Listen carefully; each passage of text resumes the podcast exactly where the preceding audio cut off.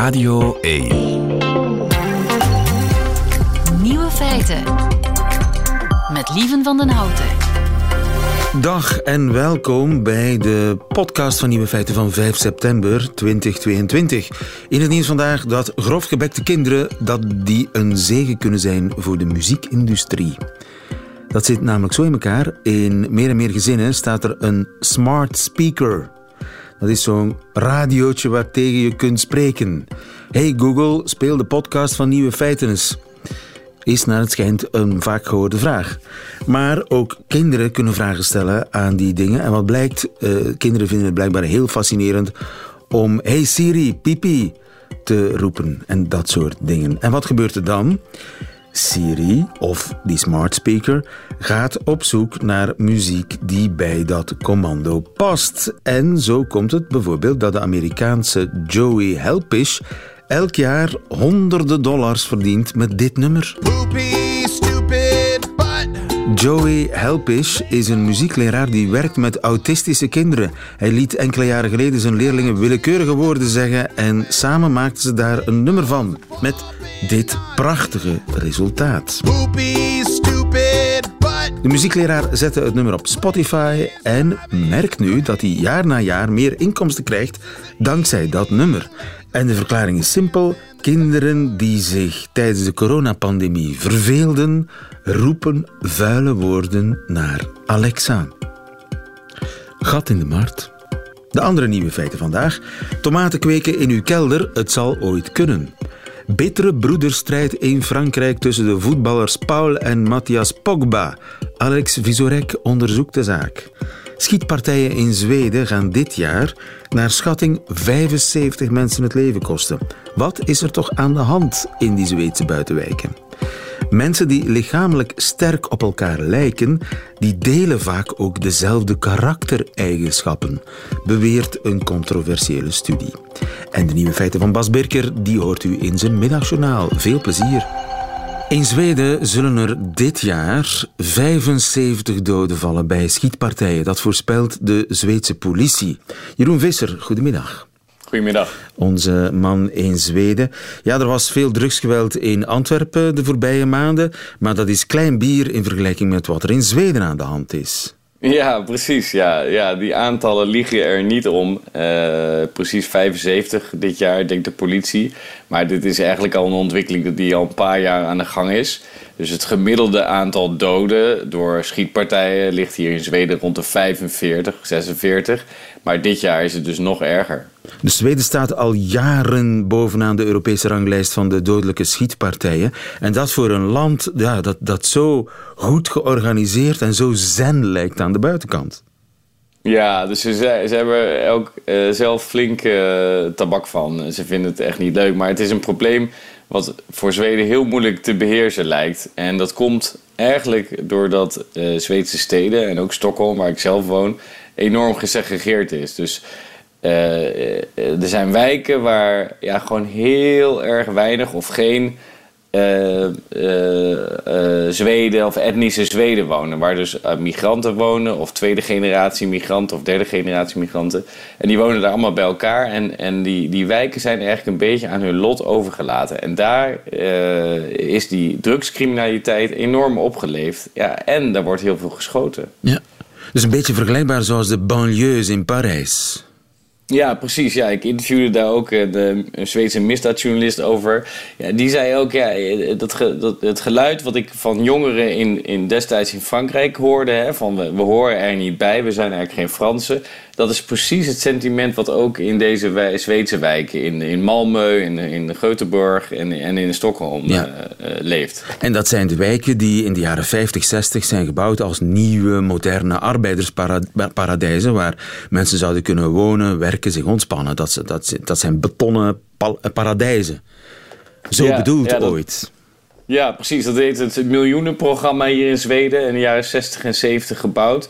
Een, woord zegt het al, hè, miljoen woningen uh, voor, ja, voor arbeiders en voor, ook wel voor arbeidsmigranten, maar ja, vooral ook uh, als een soort droom om lekker in de buitenwijken te wonen met groen om je heen en waar je dan kon recreëren, maar ook kon werken.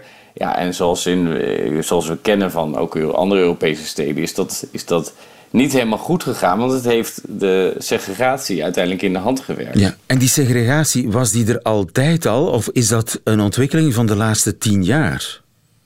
Nou, iets langer. Dus uh, sinds, uh, sinds de jaren negentig is dat, is dat proces versneld. Er zijn toen ook meer migranten gekomen. Hè? Ook, uit ook uit Somalië, Eritrea. Zweden is natuurlijk altijd heel erg uh, humaan en heel erg barmhartig geweest richting immigranten. Heeft ook veel immigranten toegelaten. Ook al voor de, de Syrische vluchtelingencrisis van 2015. Hè?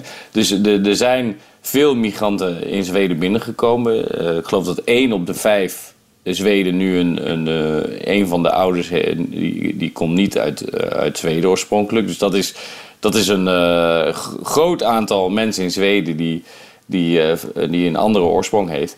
Maar dat, is, dat, dat, dat, dat, dat, dat gaat op zich vaak goed. Maar het is, heeft in deze wijken zorgt het nou eenmaal voor heel veel problemen. Omdat, uh, en dat ligt niet aan die mensen, maar dat ligt ook aan het feit dat sociale voorzieningen daar zijn, uh, zijn weggetrokken. Dat uh, slechte scholen daar zijn. en dat ja, die mensen ook niet zo makkelijk kunnen verhuizen. Dus de mobiliteit is heel erg laag. En dat zorgt ervoor dat de jongeren uh, volgens uh, die journalist die ik ook sprak, helemaal geen alternatieven zien voor de drugshandel. Dus die drugshandel is eigenlijk een manier om geld te verdienen, omdat ze in veel gevallen zelf geen andere mogelijkheden zien. Ja, en die moordpartijen, dat zijn dan afrekeningen tussen rivaliserende drugsbendes. Daar komt het eigenlijk op neer. Daar komt het eigenlijk op neer, alleen omdat deze jongens zo jong zijn. Hè, dus die gaan vanaf hun dertien al in de criminaliteit. Het zijn, je, moet, je, je moet het zo zien, het, er zijn alleen al in Stockholm volgens de politie ongeveer 58 criminele netwerken. Dus dat zijn geen georganiseerde bendes allemaal. Dat zijn jongens die in de criminaliteit zijn afgedwaald en uh, in drugs handelen. Ja, en ook heel makkelijk aan wapens komen, want die zijn hier ook in overvloed. Ja, en, die, en als er dus een ruzie is over een eh, mislukte kraak of uh, een meisje, dan wordt er gewoon geschoten. Ja. En, uh, ja, dan, en dan, dan wordt er weer wraak genomen voor die schietpartijen. Zo gaat het van de kwaad tot erger. Dus het, is, het zijn niet alleen maar criminele afrekeningen zoals we die van vroeger kennen. Liquidaties om, uh, om de concurrent uh, kopje kleiner te maken. Maar dit zijn ook gewoon tienerruzies die hier plaatsvinden. En die tieners kunnen makkelijk aan wapens komen? Ja, ja dus die, uh, diezelfde journalist weer die ik sprak, die, ja, dat is een beetje de autoriteit op dit gebied. Die heeft een keertje laten zien hoe makkelijk het is om aan een wapen te komen. Dus volgens mij had hij eh, een klein uur of twee uur nodig om in Malmö een semi-automatisch uh, wapen op de kop te tikken met munitie. Dus ja, als het hem al zo snel lukt, dan uh, is het natuurlijk voor, voor jongeren in de criminaliteit uh, nog veel makkelijker. Ja. En, en ja, blijkbaar zijn die hier in overvloed. Maar dat botst toch totaal met het beeld dat wij hebben van de Zweden en de Zweden van zichzelf hebben als uh, ja, goed georganiseerd en ja, lichtjes geobsedeerd, zelfs door veiligheid. Dat je, dat je zomaar, een tiener kan zomaar een Kalashnikov op de kop tikken. Ja, ja en, en kijk, in, in het centrum van Stockholm zul je er ook niks van zien. Omdat, ja, dat zie je niet, omdat het, het gebeurt in die buitenwijken. En nog belangrijker denk ik dat we misschien ons beeld van Zweden ook een beetje moeten uh, bijstellen. Veel is hier natuurlijk supergoed geregeld. Maar op dit vlak uh, ja, is, er, is er echt iets misgegaan. In, is dat struisvogelpolitiek? ja, nou, het is, heeft ook te maken met heel veel uh, liberaliseringen, hè? privatiseringen die hier gebeurd zijn. En, en, regeringen die het idee hadden dat, veel, dat er veel efficiëntie moest worden, uh, efficiëntieslagen moesten worden doorgevoerd. En sociale voorzieningen die uit de wijken zijn weggetrokken. Het is natuurlijk ook iets wat we in andere landen hebben gezien, uh, dat, ja, dat door privatiseringen en reorganisaties ja, wijken uh, minder goed uh, beschermd zijn dan vroeger. Ja, 11 september zijn de verkiezingen, geloof ik. Dat is een groot thema, dit. Het is het belangrijkste thema volgens veel kiezers. Want die, ja, ik, ik, kijk, je kunt je natuurlijk wel voorstellen dat Zweden zelf er ook genoeg van hebben dat er hier zoveel geschoten wordt. Want die 75, dat is alleen nog maar het aantal doden, maar het aantal schietpartijen is nog veel groter. Dus het speelt een belangrijke rol en je merkt dat alle partijen proberen daarop in te spelen door allerlei harde voorstellen te doen om die uh, bendecriminaliteit uh, ja, uh, te verkleinen of te bestrijden. En van links tot rechts? Voorstellen? Ja, van links tot rechts. Eh, kijk, uh, natuurlijk op links is, is het idee dat je echt moet kijken naar wat zijn nou de wortels van de problemen. Laten we daar nou naar kijken, laten we dat oplossen. Op rechts heb je traditioneel meer oplossingen in de sfeer van nou ja, zwaardere straffen en meer politie. Maar uh, de gemene deler is dat, dat, dat de politieke partijen hier nu echt over elkaar heen aan het buitelen zijn met, met harde voorstellen. Zelfs de Sociaaldemocraten, die bijna altijd hier aan de macht zijn en, en altijd voor uh, voorzichtige, humane oplossingen zijn, uh, hebben nu voorgesteld dat er een soort tax moet komen op het aantal niet-etnische Zweden in Kijk, en dat, is, ja, dat gaat best wel ver uh, als, je, als je kijkt wat de, hoe de Sociaaldemocraten altijd in deze discussie hebben gestaan. Ja, dat is een beetje een bocht richting Denemarken, als ik het zo hoor. Precies. De Sociaaldemocraten in Denemarken hebben die bocht ook gemaakt, hè? Ja, daar hebben ze de, de, de rechtse partijen eigenlijk rechts ingehaald. Hè? Dus die strategie om heel erg streng te zijn op migratie en op criminaliteit. Eh, maar heel erg uh, links te zijn op nou ja, de ouderwetse sociaal-democratische thema's. En uh, ja, dat heeft in Denemarken voor veel succes ge gezorgd. En je, en je ziet ook hier in de media en onder politici is de discussie van... ja, moet Zweden dat nu ook gaan volgen? Moeten we eigenlijk gewoon eigenlijk niet heel streng gaan zijn op immigratie... Maar ja, er zijn ook mensen die zeggen: ja, dat is niet Zweeds. Hè? Kijk, Zweeds is altijd. We zijn altijd heel erg uh, barmhartig geweest. En ook heel erg uh, uh, het idee leeft dat je mensen moet helpen die in een, in die, die in een vluchteling, vluchtelingen moet helpen die in een nare positie zitten. daarvoor is Zweden altijd een thuis geweest. Moet je dat allemaal nou maar zomaar opgeven? Ja. Boeiende verkiezingsstrijd in Zweden. Hou ons op de hoogte, Jeroen Visser. Dankjewel. Goedemiddag. Nieuwe feiten. Coucou de France. Met Alex Visorek. Aha, eindelijk, eindelijk. La grande rentrée d'Alex oui. Goedemiddag, Alex. Ja. Uh, vanuit uh, Parijs voortaan ja. elke maand. Maar is beter dan niks natuurlijk, hè, Alex? Heel ja. blij zijn we om jou uh, terug te horen. Ik wou niet uh, helemaal stoppen en dus heb jij een goed idee gehad. Uh, één keer per maand uh, de beste snoepjes uit Frankrijk. en dit seizoen start met een boeiend drama in de Franse voetbalwereld. Het gaat over Paul Pogba. Zijn naam kan je niet missen als je de wedstrijden van l'équipe de France volgt. Il y a Paul Pogba, une première fois et la deuxième! Et la deuxième! Quelle efficacité! Efficacité! Ja, en dan houden ze zich nog in. Hè? ja, zeker. Pogba is een van de beste Franse spelers. Een van de beste spelers ter wereld zelfs. Uh, hij heeft bij Manchester United gespeeld, uh, waar hij toen de duurste aankoop van de club was. En nu bij Juventus een god in het Franse voetbal. En Paul Pogba heeft twee broers. Een van de twee is Matthias Pogba, ook voetballer, maar pak minder goed. Mm -hmm. En het is precies die Matthias die ons interesseert vandaag. Een dikke week geleden heeft Matthias Pogba een opmerkelijke filmpje op TikTok geplaatst. Salut à tous, ici Matthias Pogba. Je vous fais l'annonce que bientôt je vais faire de grandes révélations à propos de mon frère Paul Pogba. Oké. Okay. Ja. Ik ga binnenkort grote onthullingen doen over mijn broer Paul Pogba. Ja, het is uh, niet alleen het bericht uh, waarop de mensen re reageerden, maar ook hoe raar dat filmpje was. Zonder enige overtuiging uh, zit hij achter een blad waarvan hij de tekst voorleest, alsof hij die net voor de eerste keer leest. En dat doet hij in meerdere talen. Hi everyone, this is Matthias Pogba. I will announce you that soon I will make great revelation about my brother Paul Pogba. I will say ook... this only once. Huh? Ik zal niks zeggen over accenten. Hè? en ook nog in het Italiaans. Faccio questa video in italiano, ma, ma il mio italiano non è molto buono. non è molto bueno. Molto bene is het volgens mij. Hè? Molto, molto. Enfin, ik heb, kan zelf nauwelijks Italiaans, maar goed. Um, ja. hij, hij, maakt hij dus ook, een filmpje in het Italiaans, maar hij zegt zelf, ja, mijn Italiaans is niet heel erg goed. Ja, hij uh, maakt geen kans voor een Oscar van beste acteur. Maar toch, uh, als hij zoveel moeite deed, moest hij toch wel iets superbelangrijks te zeggen hebben. En zeker niks lief. Dat kon je raden aan de manier waarop hij Paul als een speler die een teleurstelling was bij Manchester United. En dat komt van die Mathias Pogba, die eigenlijk in een kleine club van de vierde Franse divisie speelde. En daar dan ontslagen werd na een paar wedstrijden. En die ook de documentaire over eh, de carrière van Paul Pogba belachelijk maakte. Sans parler de son documentaire catastrophique, noté 1 sur 10. Wauw. Oei. En dan zwijgen we nog over die rampzalige documentaire over hem. 1 op 10. Ja.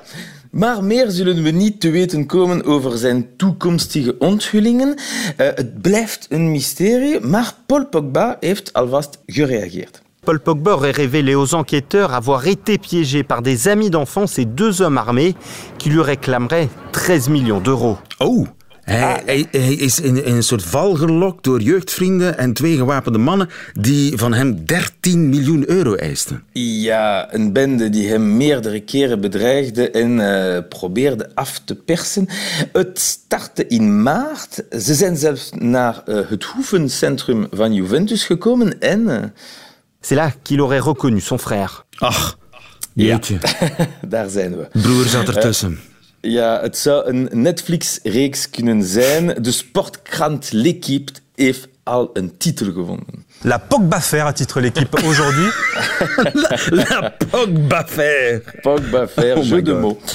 Matthias Pogba uh, liet het daar niet bij. Hij had ook een antwoord op de beschuldigingen uh, van zijn broer Paul, die dus zei dat Matthias een afperser is. Matthias tweette, ik ging bijna dood door jou, jij liet mij achter. Men zal zien wat voor een grote, verraderlijke, hypocriete lafaard je bent. De grootste op deze aarde.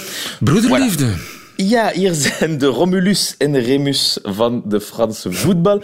De nieuwe Borgias, de Pogba's.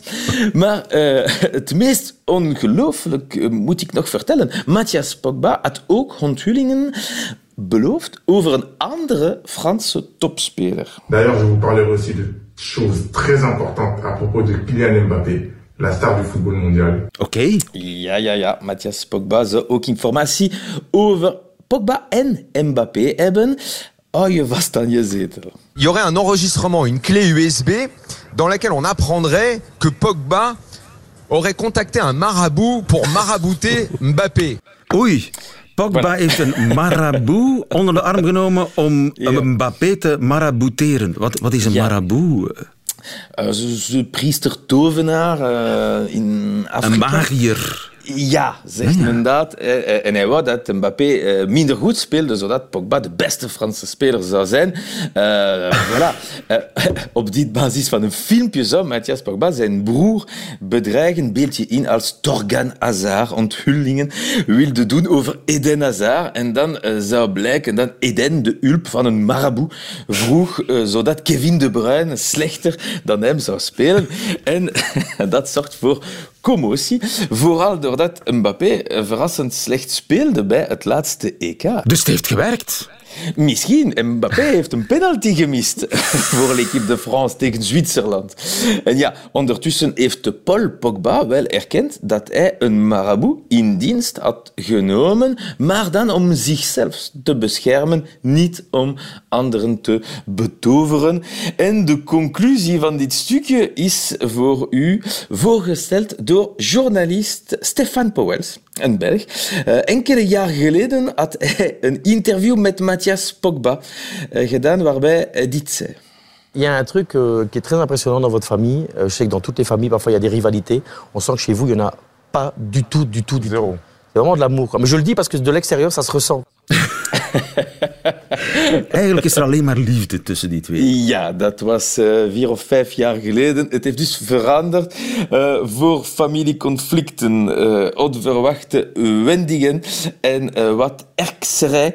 Hoeft je niet Games of Thrones te kijken, beter dan de Pfafs, de Pogba's.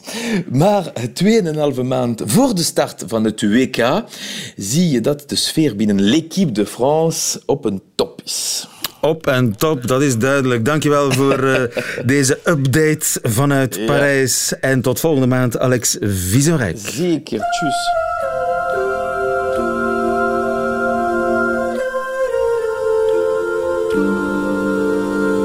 Nieuwe feiten.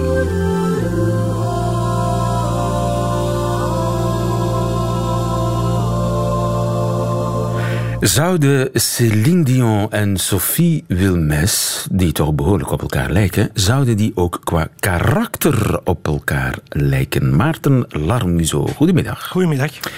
Je bent genetisch onderzoeker aan de universiteiten van Leuven en Antwerpen. Correct. En het zijn collega's van u in Barcelona die onderzoek hebben gedaan naar dubbelgangers. Mensen die geen familie zijn van elkaar, maar die toch heel sterk op elkaar lijken. Hoe hebben ze die dubbelgangers gevonden, overigens?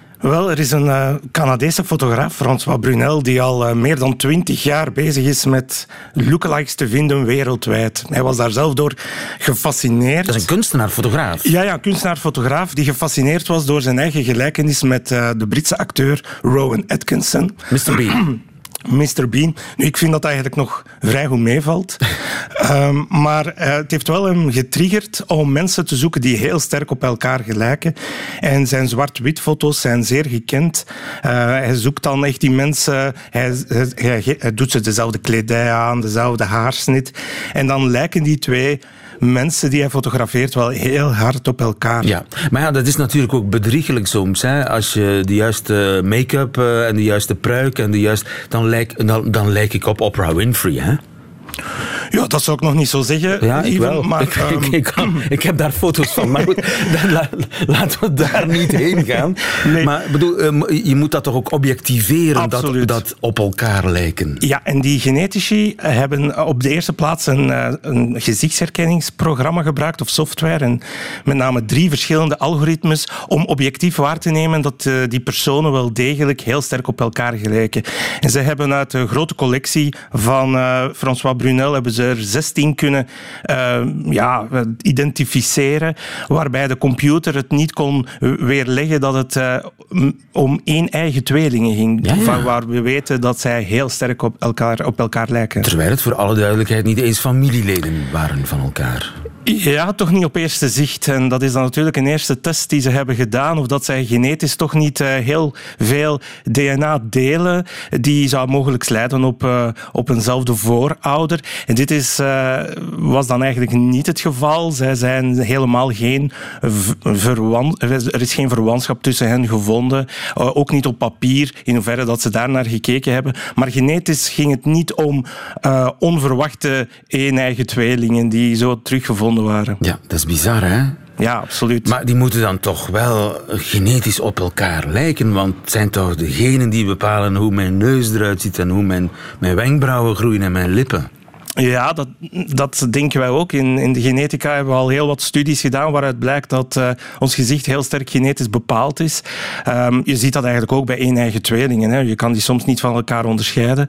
Um, maar hier heeft, heeft, men het omgekeerd gedaan. Wat men normaal doet bij genetisch onderzoek, namelijk um, ja, wij, wij gaan heel vaak kijken naar één-eigen tweelingen, want die hebben hetzelfde DNA. En liefst wanneer zij apart opgegroeid zijn, dan kunnen we echt wel onderzoek doen naar uh, wat wordt beïnvloed door ja, DNA en natuurlijk. omgeving. Dat zijn eigenlijk de perfecte proefkonijnen. Maar deze onderzoekers, de collega's in Spanje, hebben dat al omgedraaid en gekeken van welke mensen lijken er heel sterk op elkaar uh, en, en wat zijn ze dan genetisch. En wat men gezien heeft, men, men heeft bij die 16 koppels negen koppels gevonden die super gelijkend zijn, laat ons zeggen, en ook genetisch heel wat overeenkomen. Ze delen geen DNA, maar hun recepten, om het zo te zeggen, hun genen, die zijn wel sterk gelijkaardig. Ja. Um, en zo hebben ze 3700 genen kunnen aanduiden die mogelijk um, ja, gelinkt zijn aan hun gelijkaardigheid. Ja, en dat is dan louter toeval? Dat, ze dat die... is louter toeval. Ja. Dat is niet omdat zij van eenzelfde voorouder afstammen. Um, dat kan eigenlijk ook wel niet echt, want na enkele generaties, na zo vijf, zes, zeven generaties terug in de tijd, ja, dan zijn er al zoveel andere genen uh, vermengd geraakt, ja. dat wij eigenlijk niet echt lijken op onze overgrootouders. Ja. Um, dat gaat eigenlijk heel snel. Maar hier komt dat terug, die, diezelfde recepten, zal ik maar zeggen, zouden hier terugkomen, waardoor dat in uitzonderlijke gevallen, zoals die lookalikes, um, zij ook gelijkaardig DNA hebben. Ja. Nu, dat is eigenlijk op zich niet zo verrassend, aangezien die hoofden, de computer kan daar zelfs het onderscheid nauwelijks nog door tussen maken. Nu, een andere, twee andere vragen. Zijn die ook lichamelijk lijken die ook lichamelijk, fysiek, niet alleen qua kop, maar ook qua ja, beenderstructuur en lichaamsbouw op elkaar? Daarin, dat is natuurlijk al een heel andere vraag. Um, eigenlijk, ja, we weten van die genen die in ons gezicht uh, invloed hebben. We kennen er nu meer dan 500 uh, eh, genen, uh, maar we verwachten duizend of enkele duizenden genen die echt, verwant, of die echt impact hebben op ons gezicht. Wel, dan weten we dat, er een, dat die genen soms ook andere kenmerken hebben in ons lichaam. we hebben geen oneindig aantal genen, dus heel veel van onze genen hebben dubbele rollen te spelen. En men maakt daar eigenlijk wel gebruik ook van in, in eh, de medische genetici, de, de, de collega's die, met, uh, die op zoek zijn naar genetische aandoeningen, die gaan vaak ook naar het gezicht kijken van um, zijn er geen asymmetrie, uh, gegevens. Okay. En, dus um, het, het, gezicht het, gezicht als een soort uithangbord voor uw fysieke gesteldheid. Ja, ik zou zeggen, kijk maar, bij een syndroom of bij mensen met een, een genetische aandoening, dan gaat dat ook soms effect hebben op het gezicht. Ja. Maar... Um, dat is natuurlijk wel uh, weinig voorkomend, of in de zin van dat dat niet zo algemeen is. En daar gaan de gaat deze studie wel iets te ver uh, naar onze uh, idee uh, om, om die link te maken. Ja, dus die studie gaat er eigenlijk vanuit of concludeert dat er wel degelijk heel veel gelijkenissen zijn, ook op andere terreinen. Niet alleen lichamelijk, maar ook qua karakter, qua gedrag. Ja, wat hebben ze gedaan? Ze hebben eigenlijk ook een, een vragenlijst opgestuurd naar die lookalikes of die dubbelgangers. En dan gekeken wat komt er eigenlijk uh, overeen. En dan zagen ze ja, een gevoeligheid voor uh, rookverslaving, voor het hebben van een huisdier. Nu, we weten allemaal dat dergelijke kenmerken wel veel meer uh, complexer zijn dan, dan enkel een paar genen gemeenschappelijk hebben. maar hier zien we dat het aantal individuen die ze getest hebben veel te laag is om dergelijke zware um, inzichten ja. eigenlijk, te versturen. En dat is het jammer aan de studie. Ja, maar het, het, toch interessant om misschien verder te onderzoeken. Het is, het is niet onmogelijk dat mensen die fysiek op elkaar lijken, dat die ook qua karakter op elkaar lijken. Goh, we gaan toch niet terug naar de frenologie, uh, hoop ik. Uh, zoals vele collega's uh, zien we de frenologie, of eigenlijk ja, wat dat we op basis van fysieke kenmerken... Oh iemand, ja, dat is schedels opmaken, want dat is een criminele schedel. Voilà. Ja. En dat is een, een, een pseudo-wetenschap van vroeger, waarbij men dacht dat op basis van het gezicht we konden afleiden of iemand een crimineel gedrag vertonen. We weten ondertussen wel hoe complex ons gedrag is en dat dat eigenlijk nooit zal gebeuren. Maar je kan niet uitsluiten dat er genen zijn die ook in het gezicht meespelen, die wel andere kenmerken uh, zullen weerbrengen, uh, teweeg brengen, maar niet zozeer dat we dat gaan kunnen gebruiken om uh, dergelijke claims te doen. Absoluut niet. Ja, of Wilmes en Dion op elkaar lijken, dat is voorlopig nog een raadsel. Dank, dank je wel. Maarten Larmezo, dank je wel. Goedemiddag.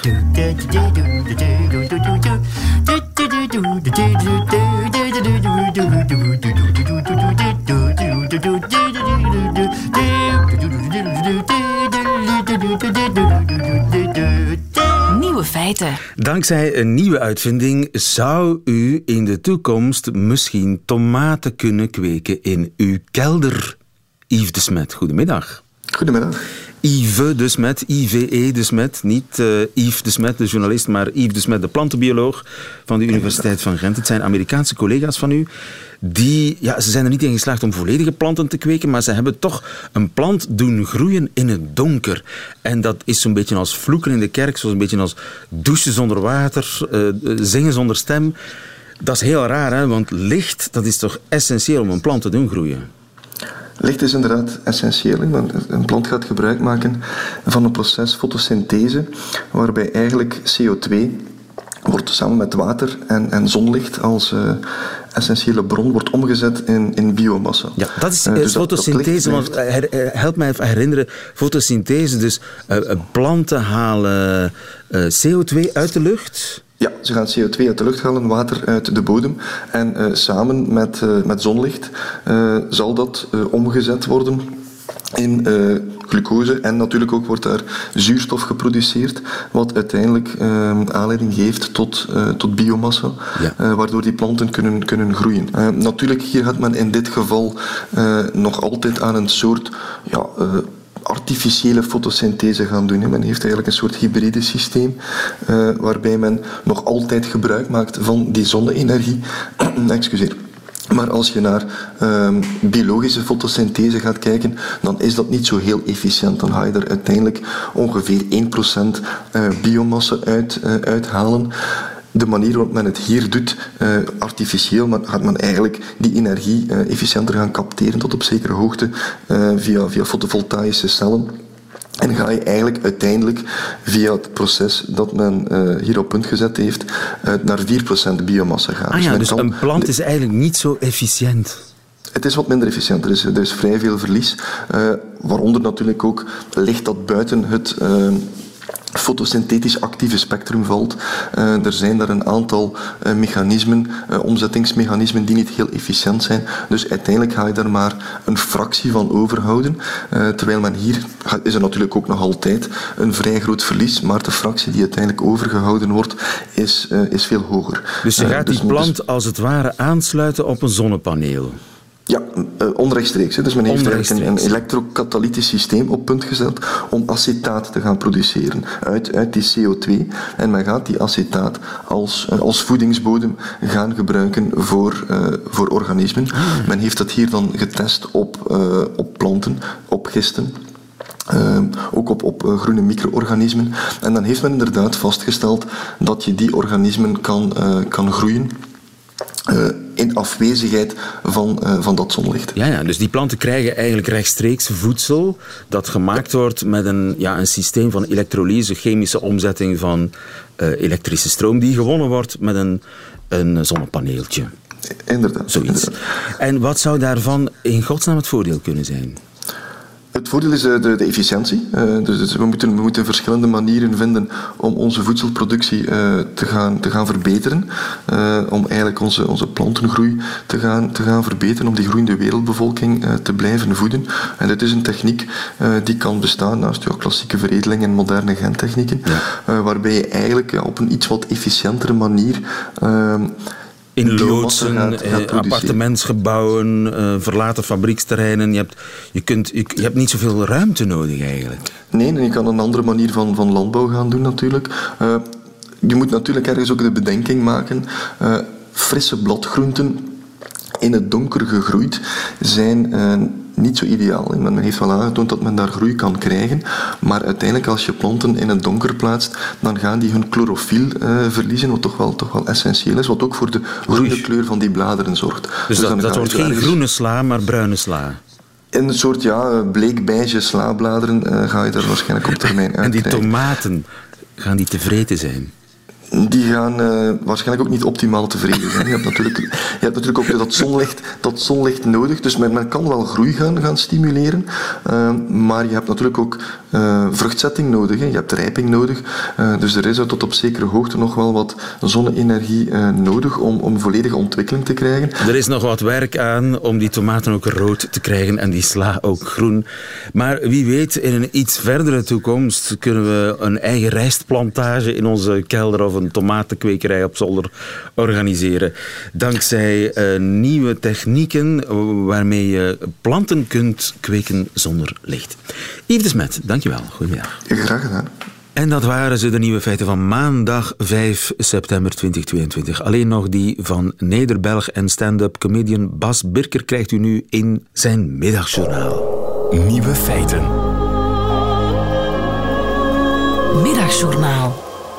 Liefste landgenoten, ik tryde gisteravond out. Of ik outtryde of heb getry-out of outgetried. Het zou me onderhand eens mogen lukken om er een Nederlands woord voor te vinden, maar niets dekt de lading zo goed als het Engelse. Als er op poster try-out staat, mag je meekijken naar het maakproces. Als er uitprobeersel zou staan, denk je repeteren doen we thuis, hè? Wikipedia suggereert proefvoorstelling. Maar dat woord had ik al gereserveerd voor het eerste etentje met kerstverse schoonouders. En, hoe was de proefvoorstelling? Smerig eten, lekker moedertje, dikke kans dat ze sneuvelt in de try-outs. Al die Engelse woorden zijn natuurlijk niks nieuws. En toch stoor ik me er harder aan dan ooit. Ik las vanmorgen een artikel op VRT Nieuws over quiet quitting. Werknemers die alleen nog het hoognodige doen op het werk. Ik heb geen idee waar het artikel verder over repte. Rappen met een E-hiphoppers, microfoonval, vrede uit. Ik was te druk met braken om nog verder te kunnen lezen. Quiet quitting? Dat is toch gewoon stil stoppen? Maar er is één ding dat ik nog erger vind dan het overnemen van Engelse woorden. Het spelen ermee. En niet door professionals in een try-out. Nee, door amateur copywriters na een brainstorm op een plant-based retreat via Zoom. Ik stuitte dit weekend op het woord momtrepreneur. Laat dat even binnenkomen.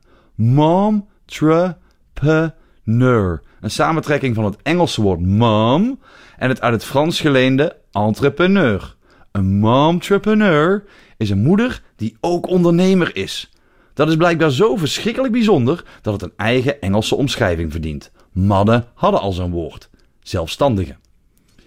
Ik las de Nederlandse site van een community van ondernemers, wiens core business het leek om momtrepreneurs te coachen. Ik citeer terwijl ik overgeef in mijn mond. Welcome to the club of mom business owners. Momtrepreneur maakt jouw leven more fun, makkelijker en interessanter.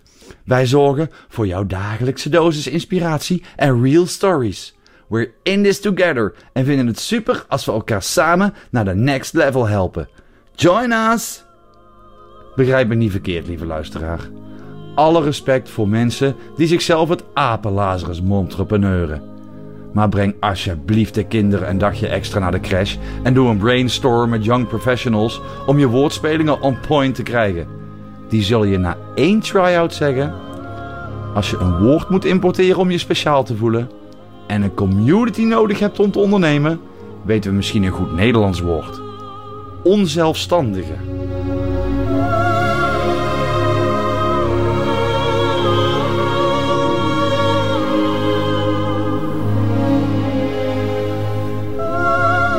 Touché, als het ware. Bas Birker in het middagjournaal. Einde van deze podcast. Hoort u liever de volledige uitzending van Nieuwe Feiten?